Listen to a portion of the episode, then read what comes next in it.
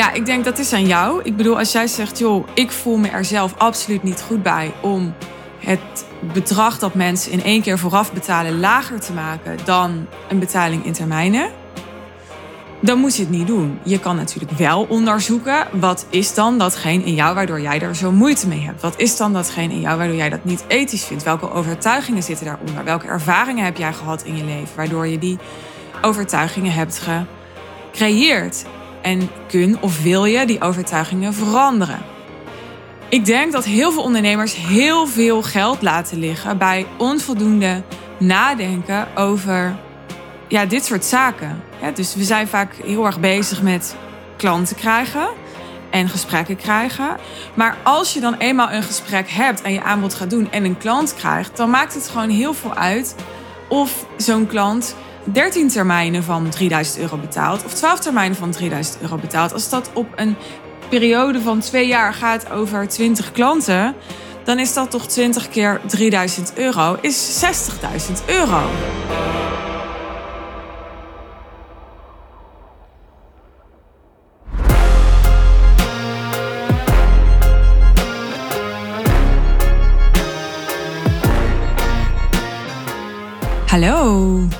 Ik uh, ga het in deze derde aflevering van mijn sales drieluik, zo noem ik hem maar even, hebben over hoe je een payment plan, dus een um, afspraak over een betaling in termijnen voor jouw programma, voor jouw aanbod, wel en niet wilt aanbieden.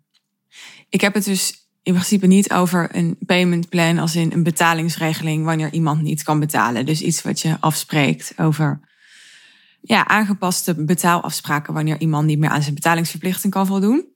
Nee, ik heb het nu over in het salesproces zijn er verschillende manieren waarop je nou ja, iemand kan laten betalen, waarop je kan afspreken dat iemand gaat betalen. Dat is natuurlijk niet alleen, zijn niet alleen de termijnen, het zijn ook andere dingen.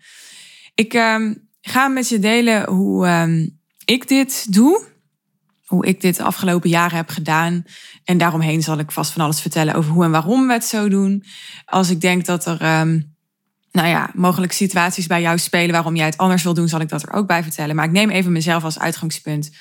Omdat, nou ja, door trial and error en een hoop ervaring, dit is wat ik heb geleerd. Dit dus wat ik nu met je ga delen. Ik heb de afgelopen jaren met uh, jaartrajecten gewerkt, dat weet je wellicht. Dus ik heb altijd uh, alleen mijn business traject in een jaar verkocht. En daar waren altijd twee mogelijkheden waarop je de investering voor dat jaartraject kon voldoen. Ik hield het bewust ook bij twee, want anders wordt het een soort keuzestress situatie. Dus er was altijd een mogelijkheid om de betaling vooraf in één keer te voldoen. En uh, de betaling in termijnen te voldoen. Uh, bij mij is het zo dat, nou, ik, ik heb het niet helemaal exact uitgerekend, maar het verschil tussen een betaling vooraf en een betaling in termijn is bij mij altijd relatief hoog geweest. Hoewel je ook vast coachingsprogramma's en dergelijke zult kunnen vinden waarbij het verschil nog groter is. Uh, maar ik denk dat het bij mij wel zo'n 10 tot 20 procent scheelde, wat natuurlijk op een bedrag van 20 tot 40, 50.000 euro best wel een bedrag is dus mensen konden bij mij in sommige gevallen echt 5000 euro of meer besparen door het bedrag in één keer te voldoen. Nou, ik weet dat er mensen zijn die een, soort ethische bezwaren hebben tegen een betaling in termijnen veel hoger maken. Ik heb dat zelf helemaal niet. Ik vind het een keuze. Dus ik laat de keuze aan iemand. En dan kan je zeggen, ja, maar als iemand niet de hele investering vooraf kan voldoen, dan laat je iemand dus eigenlijk geen keuze. Hè, want hij heeft dan geen keuze of zij heeft dan geen keuze. Nou, dat kan je zeggen, maar je kan er ook anders naar kijken. Je kan ook zeggen, joh, weet je, als je een auto gaat kopen, dan moet je in principe gewoon op het moment dat je weggaat met die auto, die auto afrekenen. Tenzij je dus ja, een soort payment plan met een leasemaatschappij bijvoorbeeld afspreekt. Zoals ik het dus altijd heb gezien, is het zo dat in principe mensen vooraf betalen voor het hele aanbod. Dat is iets wat jij mag vragen als aanbieder. En dat ik mensen de mogelijkheid geef om die betaling te spreiden. En ja, daar kies ik mijn condities voor, waaronder ik hen die mogelijkheid wil geven. En ja, waarom maak ik die betaling een stuk hoger? Omdat ik het simpelweg veel aantrekkelijker wil maken om het bedrag in één keer te voldoen. Ik ben zelf iemand die, als ik het in één keer kan betalen, betaal ik het heel vaak alsnog in termijnen. Ik vind het gewoon uh, prettiger voor cashflow. Uh, niet altijd, dus ik heb dat niet altijd gedaan, maar vaak doe ik dat wel. Dus nu bijvoorbeeld het traject voor mijn schrijfcoaching doe ik ook in termijnen. Dus ik heb er helemaal geen oordeel op, geen probleem mee. Maar ja, ik wil mensen stimuleren om vooraf in één keer te betalen. Omdat er dan minder risico ligt bij ons als bedrijf. Ik betrek het even niet op mij als persoon, maar ik leid een bedrijf. En je zou dus ook kunnen zeggen, in plaats van dat ik ze meer laat betalen als ze in termijnen betalen, laat ik ze minder betalen als ze in één keer betalen. Omdat er een groot vertrouwen uitspreekt om het in één keer vooraf te voldoen. En omdat er dan minder risico bij mij ligt en het vraagt minder administratie. Nou ja, die administratie die kost natuurlijk geen 5000 euro per klant. Dat mogen duidelijk zijn. Maar ja, eigenlijk is het heel simpel. Weet je, je kan zeggen, ja, ik vind het onethisch om dat verschil zo groot te maken. Ja, dat is volgens mij dezelfde discussie als zeggen, ik vind het onethisch om 50.000 euro voor coaching te vragen. Als mensen bereid zijn om dat te betalen en dat te doen, ik bedoel, ik zet niemand een, een pistool op hun hoofd. Dus ik denk dat het ook heel Nederlands is om daar dan weer van alles van te vinden. Ik weet in ieder geval dat, weet je in het buitenland, in Amerika zijn er nog veel. Ik, ik heb zelf ooit een uh, overeenkomst getekend en er stond gewoon iets in als, ik zeg het even als ik me herinner, dat elke dag dat je te laat betaalde, moest je gewoon 20% rente betalen of zo, weet je wel. Ja, en voor alles geldt, joh, als jij niet akkoord wilt gaan met zulke voorwaarden, dan moet je het niet doen. Ik ben er zelf niet zo bang voor als consument. Ik ben er ook aan gewend geraakt doordat ik meerdere coachingsprogramma's heb gevolgd. En ik heb zelf ook als ondernemer gemerkt dat het andersom, dus vanaf de positie van ondernemer, ook prima werkt. Dus het is iets aan de voorkant, dan, ja, dan spreek je het af, maar daarna dan heb je die afspraken gewoon gemaakt en dan heb je daar verder in de samenwerking ook geen last meer van. Nou, hoe ik dat dan breng, in een call. Dit is allemaal echt wel hele gouden informatie die ik hier weggeef. Ik hoop dat je daar bewust van bent. Maar wat ik mijn, mijn klanten leer is: doe eerst het aanbod voor je betaling in termijnen. Uh, zorg dat mensen daar verkocht op zijn, omdat toch psychologisch een, bedrag als uh, ja, uh, eh, 2000 euro per maand of zo, dat voelt toch anders voor mensen dan dat je zegt, nou, het is in één keer 24.000 euro of 22.000 euro of 20.000 euro. En wat ik dan daar vaak achteraan zeg, op het moment dat iemand niet uh, van zijn stoel is gevallen, want als iemand van zijn stoel is gevallen, nou ja, dan hoef jij sowieso niet verder te praten, want dan praat je er eerst over waarom iemand van zijn stoel is gevallen. Maar als dat niet zo is, dan zeg ik vaak, nou, als je in één keer de betaling helemaal, de volledige investering vooraf wilt voldoen, dan kan ik je ook een speciaal aanbod doen. En dan is dit het aanbod. En dan noem ik wat de investering in één keer zou zijn. Waar ik ook al jaren mee werk, ik weet niet of ik dat helemaal vanaf het begin deed, ik denk het wel, is met een aanbetaling. Dus uh, mensen betaalden in de real deal, voor de real deal, altijd bij mij een aanbetaling. En daarna een investering, een volledige investering verder vooraf. Of een aanbetaling en daarna 12 termijnen. Dus er waren altijd bij mij of 13 termijnbedragen uh, dat laatste, dat was denk ik de laatste twee jaar zo, zo daarvoor niet. Of één termijnbedrag en de rest van het bedrag in één keer vooraf.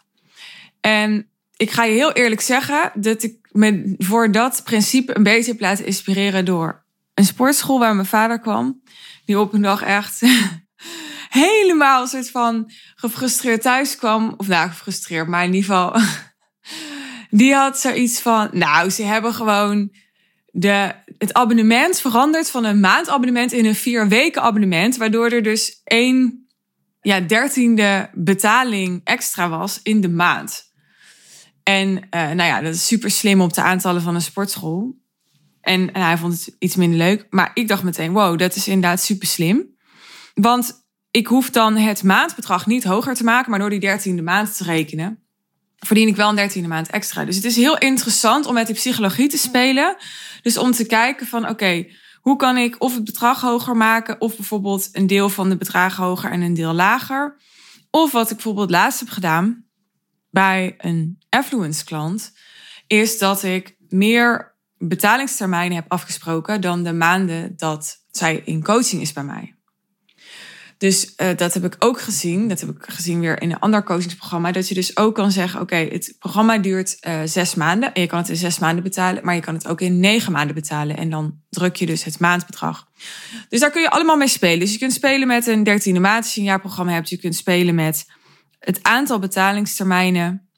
Je kunt spelen met het verschil in bedrag tussen de investering vooraf voldoen en de investering in termijnen voldoen. En je kunt spelen met hoe je daarover praat, hoe je dat aanbiedt. Ik vind dus zelf dat heel veel gewoon is toegestaan, omdat het, het is allemaal vrijwillig. Weet je wel? Dus ik ga ervan uit, als mensen het graag willen, dan ja, zijn ze ook bereid om met de betalingsafspraak akkoord te gaan. Voor mij geldt in ieder geval dat als ik kies voor een coach, dan bij mij zit dan nog nooit op betalingsafspraken afgeketst. En dat is natuurlijk ook wat jij wil als coach of als consultant of als ondernemer die een programma aanbiedt. Dat mensen gewoon heel graag je programma willen kopen. Dat zal ook moeten als ze er een grote investering voor neerleggen. Maar mijn ervaring is ook als ze dan eenmaal die drempel over zijn en ze weten: oké, Marietje is de aangewezen persoon voor mij om mij hierbij te helpen. Dan gaan ze ook in heel veel mee. Dan kan je je natuurlijk afvragen, want ik hoor je denken: ja, moet je dat dan willen? Ja, ik denk dat is aan jou. Ik bedoel, als jij zegt, joh, ik voel me er zelf absoluut niet goed bij om het bedrag dat mensen in één keer vooraf betalen lager te maken dan een betaling in termijnen, dan moet je het niet doen. Je kan natuurlijk wel onderzoeken, wat is dan datgene in jou waardoor jij daar zo moeite mee hebt? Wat is dan datgene in jou waardoor jij dat niet ethisch vindt? Welke overtuigingen zitten daaronder? Welke ervaringen heb jij gehad in je leven waardoor je die overtuigingen hebt gecreëerd? En kun of wil je die overtuigingen veranderen? Ik denk dat heel veel ondernemers heel veel geld laten liggen bij onvoldoende nadenken over ja, dit soort zaken. dus we zijn vaak heel erg bezig met klanten krijgen en gesprekken krijgen. Maar als je dan eenmaal een gesprek hebt en je aanbod gaat doen en een klant krijgt, dan maakt het gewoon heel veel uit of zo'n klant 13 termijnen van 3000 euro betaalt of 12 termijnen van 3000 euro betaalt. Als dat op een periode van twee jaar gaat over 20 klanten, dan is dat toch 20 keer 3000 euro, is 60.000 euro. Dus dit is gewoon op een termijn van twee jaar is dat gewoon een behoorlijk goede auto. En ik zeg dus niet dat dit is wat je moet doen. Ik zeg dus niet dat je op deze manier voor je auto moet sparen. Ik wil je alleen bewust maken van dat dingen die voor jou ogenschijnlijk klein zijn, of waarvan jij misschien aan het einde van het gesprek denkt van nou, ik ben al lang blij dat die klant binnen is, of het is al een hoog bedrag of wat dan ook. Dat het het toch echt wel waard is, juist als je hoge investeringen vraagt, om goed na te denken over um, hoe doe ik dat? Hè? En ook voor je cashflow. Er is natuurlijk een enorm verschil of jij een jaar moet wachten tot je het volledige bedrag op je rekening hebt staan. Of dat je dat morgen op je rekening hebt staan. Hè, dat, dat is heel bepalend voor hoeveel jij kunt investeren, hoeveel risico je loopt. Ja, hoe jouw um, cashflow eruit ziet, nogmaals. En ja, voor mij heeft het altijd heel goed gevoeld om dat verschil aan te brengen. Om er nog heel even over dat verschil tussen betaling en termijn en één keer te hebben omdat ik dacht, ik vind het gewoon heel fijn om het bedrag te hebben en er verder geen omkijken meer naar te hebben. En ik vind het ook heel fijn als mensen in termijnen betalen en bereid zijn dan dus meer te betalen. Waardoor ik aan het einde van de rit meer ontvang. En daardoor kon ik ook helemaal onthecht zijn van waar iemand voor koos. Omdat ik voelde van, ja, voor mij heffen die twee elkaar een beetje op. En dan, dan is voor mij beide prima dus dat is de ene kant van het verhaal. De andere kant van het verhaal is dat ik natuurlijk heb gezegd, volgens mij nu één of twee keer in deze aflevering, dat ik het altijd fijn vind als mensen in één keer betalen. Uh, dus dat ik op, op deze manier, hè, door een betaling in termijnen, relatief hoger geprijsd te maken, dat stimuleer. Maar ik heb er dus wel een alternatief naast gezet, waardoor ik denk, ja, op deze manier is het alternatief voor mij ook helemaal goed. Wat zijn absolute don'ts zit ik nog even over na te denken voor je bij uh, payment plans. Nou, dat je ze onvoldoende duidelijk vastlegt. Wij hebben heel duidelijk in de overeenkomst staan: dit zijn de termijnen die je voldoet. Er staat ook bij. De aanbetaling voldoe je binnen 24 uur nadat je de overeenkomst hebt getekend. De termijnbetalingen voldoe je steeds binnen een betalingstermijn van 14 dagen. Dat staat er allemaal bij. Dus niet dat mensen opeens kunnen zeggen van, oh, maar ik hanteer een betalingstermijn van 30 dagen en dat daar dan weer gedoe over komt. Want ik wil gewoon tijdens een samenwerking geen gedoe over geld. Dus bij de transactie, dus als iemand ja zegt, dan wil ik dat allemaal getackled hebben. En daarna moet het gewoon glashelder zijn. Nooit meer misverstand over, nooit meer gedoe over. Nooit meer dat iemand kan zeggen, ik weet het niet. Het is ook niet zo dat dit soort dingen in de kleine lettertjes in onze algemene voorwaarden staan. En betalingsafspraken staan gewoon duidelijk op de overeenkomst. Dus dat is iets wat ik je mee wil geven en waarvan ik ook denk dat er nog veel winst te behalen is voor ondernemers. Is het heel duidelijk vastleggen. En duidelijk zit hem in communicatie. Duidelijk zit hem ook in dat het juridisch kloppend is. Dat het mag wat je doet. Dat het ook ja, enigszins sluitend is wat je doet. Kijk, ik geloof niet in, in waterdichte juridische afspraken. Uh, waterdicht ben je toch nooit als bedrijf. Maar je wil natuurlijk wel binnen redelijkheid, als het over hoge bedragen gaat, zorgen dat het juridisch kloppend is wat je doet. Dus ja, zorg dat je overeenkomst ook juridisch is nagekeken door een jurist. Er is nog ongetwijfeld veel meer te vertellen over dit onderwerp. Maar ik denk dat ik voor een gratis podcast aflevering nu heel veel aan je heb weggegeven. Dus ik zou zeggen, doe er je voordeel mee. Ongetwijfeld haal je er iets uit waarvan je denkt, oh, daar kan ik nog even op letten. Of oh, dat is een idee, dat kan ik ook doen. Dus uh, nogmaals, ja, doe daar je voordeel mee. Als je aan mij wilt terugkoppelen wat voor jou de takeaway uit deze aflevering was. Ik ben heel benieuwd, laat het me weten. Heel veel succes en uh, dank je wel ook voor het luisteren naar dit drieluik. Als je de vorige twee afleveringen nog niet hebt geluisterd, dan nodig ik je van harte uit om dat nog even te doen.